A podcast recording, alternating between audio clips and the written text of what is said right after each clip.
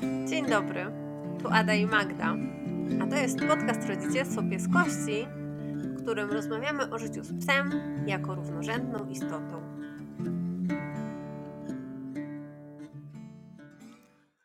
Hej, tu Ada. E, nagrywam dziś dla Was z 12 dnia inwazji Rosji na Ukrainę. Mm, Zabieram się do tego odcinku długo i właściwie codziennie. I każdego dnia trochę zmieniała mi się koncepcja, ale stwierdziłam, że to już chyba naj, najwyższy czas, żeby zabrać się do tego, bo mam takie poczucie, że akurat może komuś z Was ten odcinek pomoże, albo może znajdziecie miejsce, w które warto, warto go wysłać i może to po prostu komuś pomóc. Ja ze swojej strony chciałabym Wam zaoferować swoje wsparcie, jeśli jesteście domem tymczasowym. Dla psa adoptowanego w związku z tą inwazją, oczywiście nie mam nieskończonej ilości czasu, więc tutaj zastrzegam, że jeżeli będzie bardzo dużo zgłoszeń, to nie będę w stanie pomóc wszystkim, ale jeżeli ktoś z Was chciałby takiego wsparcia behawioralnego, może też takiego po prostu emocjonalnego w związku z taką adopcją, czy po prostu pomocą z tym wszystkim, to wiecie, gdzie mnie szukać. Tak myślę. E, Myślę, że najłatwiej będzie przez fanpage na Facebooku Bliżej Psa. Adrianna Bader. Jesteśmy w środku ogromnego kryzysu humanitarnego i nawet gdyby wojna skończyła się dzisiaj, e, to i tak e, w Polsce jest już kilkaset tysięcy osób z Ukrainy i na pewno kilkadziesiąt tysięcy psów oraz kilkadziesiąt tysięcy kotów, które są przywożone z zagranicy do Polski. Skala tego przewozu jest ogromna i właściwie większość zaprzyjaźnionych fundacji ma w związku z tym bardzo, bardzo dużo pracy.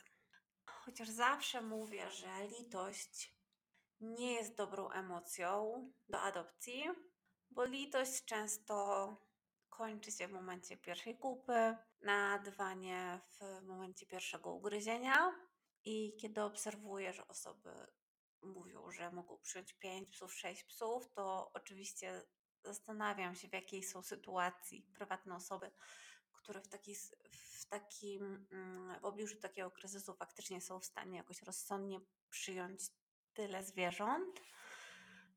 Ale z drugiej strony potrzeby są tak ogromne, że jakby byłabym, nie wiem, nierozsądna, delikatnie mówiąc, e, chcąc w tej sytuacji zniechęcać czy studzić emocje, jeżeli chodzi o adopcję.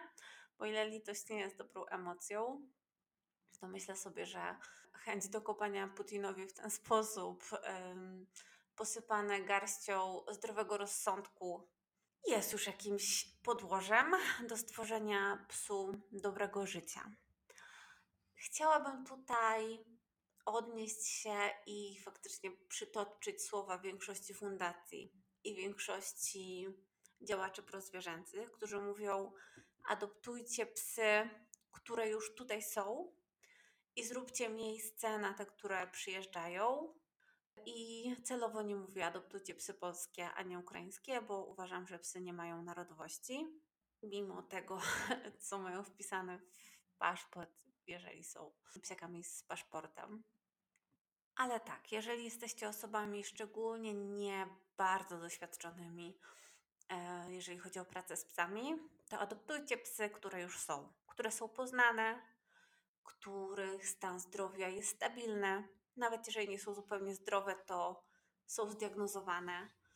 E, Adoptujcie psy, które są przetestowane na różne sytuacje, które są już po prostu gotowe do adopcji. Zwierzęta, które przyjeżdżają z zagranicy, tak czy owak, powinny przejść dwutygodniową kwarantannę. Więc jeżeli faktycznie macie taki mocny zryw i chcecie działać i chcecie robić te miejsca, to jak najbardziej, ale myślę, że rozsądniejszą, rozsądniejszą decyzją będzie wybranie psów, które już są, z intencją robienia miejsca na te, które przyjeżdżają, które trzeba będzie poznać, wyleczyć, zacznij próbować ogarnąć i przygotować do adopcji. Ale bardzo też apeluję, żeby przemyśleć, czy naprawdę macie zasoby i czy naprawdę wyobrażacie sobie życie z sześcioma psami, jeżeli coś takiego deklarujecie, za te, mm, nie wiem, parę miesięcy, kiedy właśnie te emocje i mobilizacja opadną. Po prostu. Mm, bo jakby znów powtarzam, nie chodzi mi o zniechęcanie do adopcji. Ja całe moje życie, już takie dorosłe i świadome, od kiedy pracuję ze zwierzakami, to, to do adopcji zachęcam, przy adopcjach pracuję, adopcję prowadzę. Nie tylko chodzi o to, żeby te adopcje były dobre. Żeby obie strony były, wyniosły jak najwięcej korzyści z nich, żeby to dla obu stron była po prostu radość i dobra więź. Ale chciałabym też odezwać się do osób, które właśnie podjęły decyzję, że nie mają teraz zasobów na wzięcie kolejnego zwierzaka, a jest to dla nich ważne i chciałyby pomagać. I e, tutaj e, chciałabym Wam po prostu zaprezentować różne opcje pomocy, w których ja na przykład też biorę udział, więc e, mogę o nich mówić, że tak powiem, z autopsji. I podzieliłabym to na rzeczy, które mogą robić mniej doświadczone osoby, osoby początkujące. I tutaj mam na myśli po prostu E, brania udziału w zbiórkach, dorzucanie się do zbiórek na karmę, e, na wiecie, na leczenie weterynaryjne, czasem na transport, na transportery. Transportery są bardzo, bardzo, bardzo ważne. Z mojej perspektywy lepiej jest właśnie dorzucić się na zbiórkę na transportery niż kupować, ponieważ kupienie w detalu często jest droższe po prostu. Jeżeli pojedynczy klient kupuje jakiś kennel, to jest to, to droższe niż kiedy fundacja często po jakichś takich konkurencyjnych cenach kupi to w hurcie, nie? I tak z mojego doświadczenia chciałabym tutaj troszkę zasugerować, żebyście poszukali w okolicy najbliższej zaprzyjaźnionych fundacji albo po prostu takie takich, który, z którymi mieliście jakiś kontakt i wiecie, że dobrze działają, i zajrzenie, czy może oni nie robią jakichś działań w kontekście zwierząt przyjeżdżających z Ukrainy. E, bo może być tak, że wiecie, często te małe fundacyjki gdzieś tam y, zawsze przepadają i y, nikną w cieniu tych dużych i wszystkie z nich są ważne. Tylko te duże mają dobry marketing, dużo robią i je widać a te małe czasem po prostu e, znikają, więc zerknijcie, czy, czy właśnie takie fundacje nie prowadzą zbiórek. Też rzeczowych, nie? Bo może, może akurat wiecie, macie takie zasoby, żeby wybrać się do hurtowni i nakupować żywirku dla kozów, które przyjadą, nie? Tylko warto też właśnie dopytać się, mm, jakiego ta fundacja używa, jaki ma sprawdzony. E, jeżeli chcecie kupić karmę, to dopytajcie się, jakim, jaką karmą ta fundacja karmi. Nie, żeby po prostu zawsze jakość jest lepsza niż ilość. E, w takim sensie, że mamy potrzebę, żeby ja mam często. E, oczywiście mam też w tym wszystkim właśnie już takie doświadczenie, nie? że chciałabym kupić jak najwięcej, żeby mieć pewność, że wszystkie zwierzęta będą nakarmione, e, ale często kosztem tego mogłaby być biegunka, choroby, problemy z cukrem, albo to, że po prostu fundacja rozsądnie takiej karmy nie poda. Fundacje rzadko wyrzucają karmy, zwykle oddele- po prostu przekazują je na przykład karmicielom albo jakimś takim biedniejszym osobom, które, których trochę nie stać na zwierzęta, ale mm, jakby nie robią im krzywdy, więc potrzebują takiego wsparcia wsparcia gdzieś tam nowej budy czy, czy tych szczepień, a fundacje nie chcą ich tym, im tych psiaków odbierać. Oprócz wspierania zbiórek w taki sposób rzeczowy lub finansowy, yy, możecie zacząć organizować bazarki.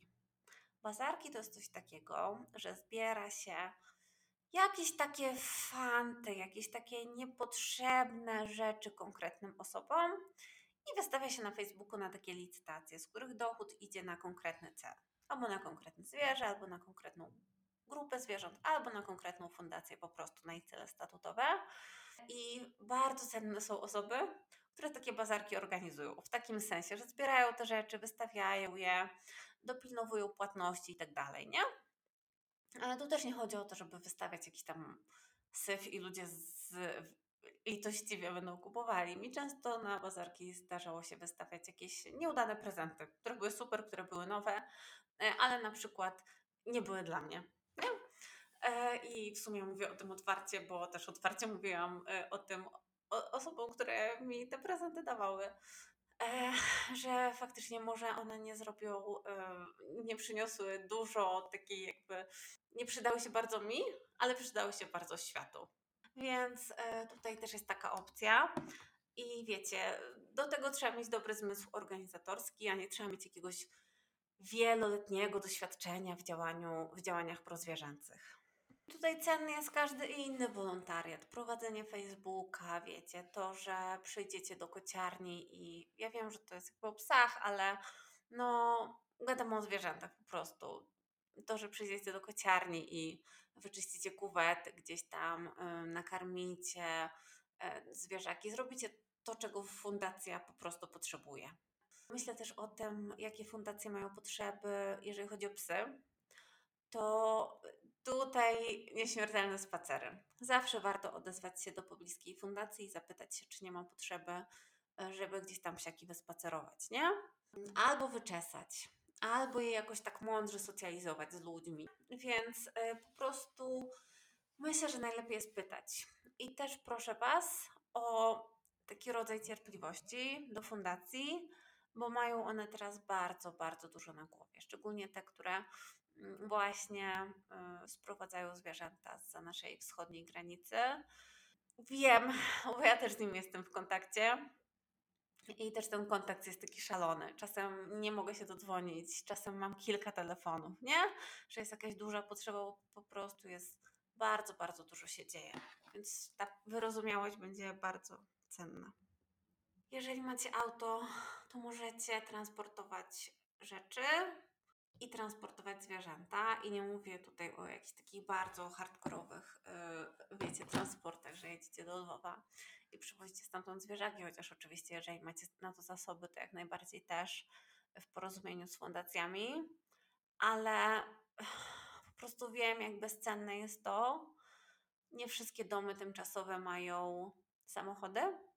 Bycie gdzieś tam w, takim, w takiej bazie fundacji, jako osoba, która może zawieźć zwierzaka do weterynarza. To jest też bardzo, bardzo duża pomoc i też jakby taki spokój, nie? Takie poczucie spokoju, że jest kilka osób, które w takiej sytuacji mogą pomóc. Więc e, tutaj, wiecie, czasem właśnie e, transportowanie rzeczy z miejsc takich mniejszych, punktowych zbiórek do miejsca jakiejś takiej e, głównej zbiórki. To też jest super, super, super, super, super cenne, więc pomyślcie, że może, może w takim obszarze chcielibyście pomóc. Bardziej doświadczone osoby mogą zostać domem tymczasowym, o domach tymczasowych już troszeczkę mówiłam. Chodzi o to, żeby zostać osobą, która e, przyjmie psa i przygotuje go do adopcji. No, jakby tutaj y, domy tymczasowe mają różny zakres, bo e, czasem chodzi tutaj o zupełne gdzieś tam wyprowadzenie psa z, z jakichś trudnych um, warunków, z, z trudnego stanu zdrowotnego lub trudnego stanu psychicznego E, czasem to jest gdzieś tam już taka, takie po prostu bycie takim domeczkiem, w którym czeka się na nowy dom i tej pracy nie ma tak dużo. Czasem jest też cała logistyka związana z adopcją. Jeżeli chodzi o finansowanie, to można być domem tymczasowym, który w pełni finansuje utrzymanie psa. Można być domem tymczasowym, który finansuje na przykład karmę, jakieś tam zabawki a weterynarz jakby jest opłacany przez fundację, a można być dom tymczasem, który jest właściwie w pełni finansowany przez fundację. Nie? Więc tutaj są takie różne opcje w zależności, w zależności od Waszych zasobów. Sorry, że tak się dzisiaj trochę e, głosowo mm, e, za, za koła pućkam, ale jestem trochę zmęczona w związku z tym wszystkim. E, tak, to tutaj jest taka moja propozycja do bardziej doświadczonych osób. I ja jako osoba, która właśnie robi trochę w adopcjach i jest już, no jest po prostu behawiorystką, e, ja robię wizyty przedadopcyjne. To jest taka moja no, przestrzeń, którą teraz się zajmuję. Robię te wizyty dla różnych fundacji. Część robię mm, na żywo, część robię online i po prostu sprawdzam domy pod kątem ich gotowości na adopcję i też prowadzę taką edukację genealogiczną, nie? Jeżeli chodzi o takie podstawy mm, bezpieczeństwa, podstawy weterynarii, znaczy podstawy weterynarii, nie jestem weterynarzem, chodzi mi o taką po prostu profilaktykę, nie? Jak dbać o zdrowie tego psa, mm, kiedy udać się do weterynarza i tak dalej. I podstawy behawioru. Więc jeżeli ktoś ma więcej wiedzy, więcej zasobów, to jest super cenne i pewnie już to robi, o czym mówię, nie? Bo, e, bo no, często osoby z doświadczeniem wiedzą, gdzie są potrzebne. I tutaj wracając do adopcji, przyszła mi, do, przyszła mi do głowy jeszcze taka jedna e, koncepcja, e, której pewnie w normalnych czasach raczej bym nie zaleciła. To znaczy, dużo mówimy o tym, żeby mieć swoją wioskę, mieć wsparcie, prosić o pomoc, ale mm, w tym przypadku chodzi mi o to, że może jeżeli kołacze Wam się myśl o adopcji, ale nie macie takiego poczucia, że jesteście w stanie sprostać tym wszystkim aspektom organizacyjnym, finansowym, wiedzowym, jakimś takim, wiecie, trzy spacery dziennie, może i lęk separacyjny, więc może jakaś taka wymiana opieką, e, to pomyślcie nad tym, żeby skrzyknąć się z bliskimi, ale takimi naprawdę zaufanymi, czy nie chcą zrobić jakby takiej w pewnym sensie zbiorowej adopcji. W takim sensie, że ok, jedna osoba adoptuje zwierzę i ma je pod opieką, ale ma też jakby taką grupę, grupę wsparcia, że na przykład ok, trójka przyjaciół składa się na utrzymanie psa. Nie, że na przykład ja pewnie w takiej sytuacji radziłabym spisanie umowy. Nie mówię tutaj o chodzeniu po jakichś notariuszach i tak dalej, ale spisaniu, spisaniu takiej umowy, gdzie sobie te warunki adopcji e, ułożycie. E, jeżeli chodzi właśnie o, o mm, na przykład finanse, nie? E, myślę, że też dobrze, żeby w takiej sytuacji mieć plany B, że co się stanie, jeżeli ten pies okaże się jakiś trudny, ponad moje możliwości. Czy mamy namiar na dobrego behawiorystę? Czy mamy osobę, która w przypadku na przykład lęku separacyjnego naszego psa pracuje zdalnie i mogłaby, nie wiem, przyjąć go na czas naszych, naszych wyjść. Warto myśleć. Ja wiem, że te ostatnie dwa, trzy lata nauczyły nas, że yy, no właśnie, trudno cokolwiek zaplanować i warto mieć te plany B, że często plany B to za mało i dobrze jest mieć plany C, a to i tak jest za mało. Często to pokazał nam yy, właściwie ostatni miesiąc, ale jakby naprawdę sięgnijmy do naszego rozsądku. Ja, ja w ogóle nie zachęcam do chowania emocji do kieszeni. Och, nawet y, to teraz mnie zalała fala, bo sama mam teraz bardzo dużo emocji w sobie i pozwalam sobie na nie, tylko staram się robić wszystko, żeby takimi zrywami zrobić jak najmniej szkody, a jak najwięcej pożytku. Stąd też ten podcast, który musiał we mnie trochę posiedzieć. Ten odcinek musiał we mnie trochę pokiełkować, popracować i wypuszczam go dopiero. No, nagrywam go w poniedziałek, wypuszczony zostanie we wtorek. Jestem do Waszej dyspozycji, gdybyście chcieli o tym wszystkim pogadać. Nie mówię, że od ręki, nie, bo też pracuję. Teraz jeszcze mam chorego kota, więc też trochę się dzieje, e, ale dawajcie znać, jeżeli będzie taka potrzeba i wiecie, no nie wiem, co tam, co tam będziecie chcieli przegadać, to jestem. E, jeżeli będziecie chcieli, żebym, żebym Was odesłała na przykład do zbiórki, która dla mnie jest, której ja ufam, albo żebym Wam podpowiedziała jakąś, jakąś fundację, to też jestem tutaj. Wiecie, nie mamy tu takiego mm, wielkiego, wielkiego grona słuchaczy. E, tak sobie myślę, że większość słuchaczy pewnie już ma swoje zaprzyjaźnione, ulubione fundacje i wie, co robić. Nie, ale może, mm, może akurat komuś z Was to pomoże. Może puścicie w świat i jakiś zwierzak może uniknie nieprzemyślanej adopcji. Chciałabym, żeby. No, zresztą sami wiecie. To trzymajcie się, miłego dnia i chwała Ukrainie. I to już wszystko na dziś. Dziękujemy, że byliście z nami. Do usłyszenia w kolejnym odcinku podcastu Rodzicielstwo Pieskości.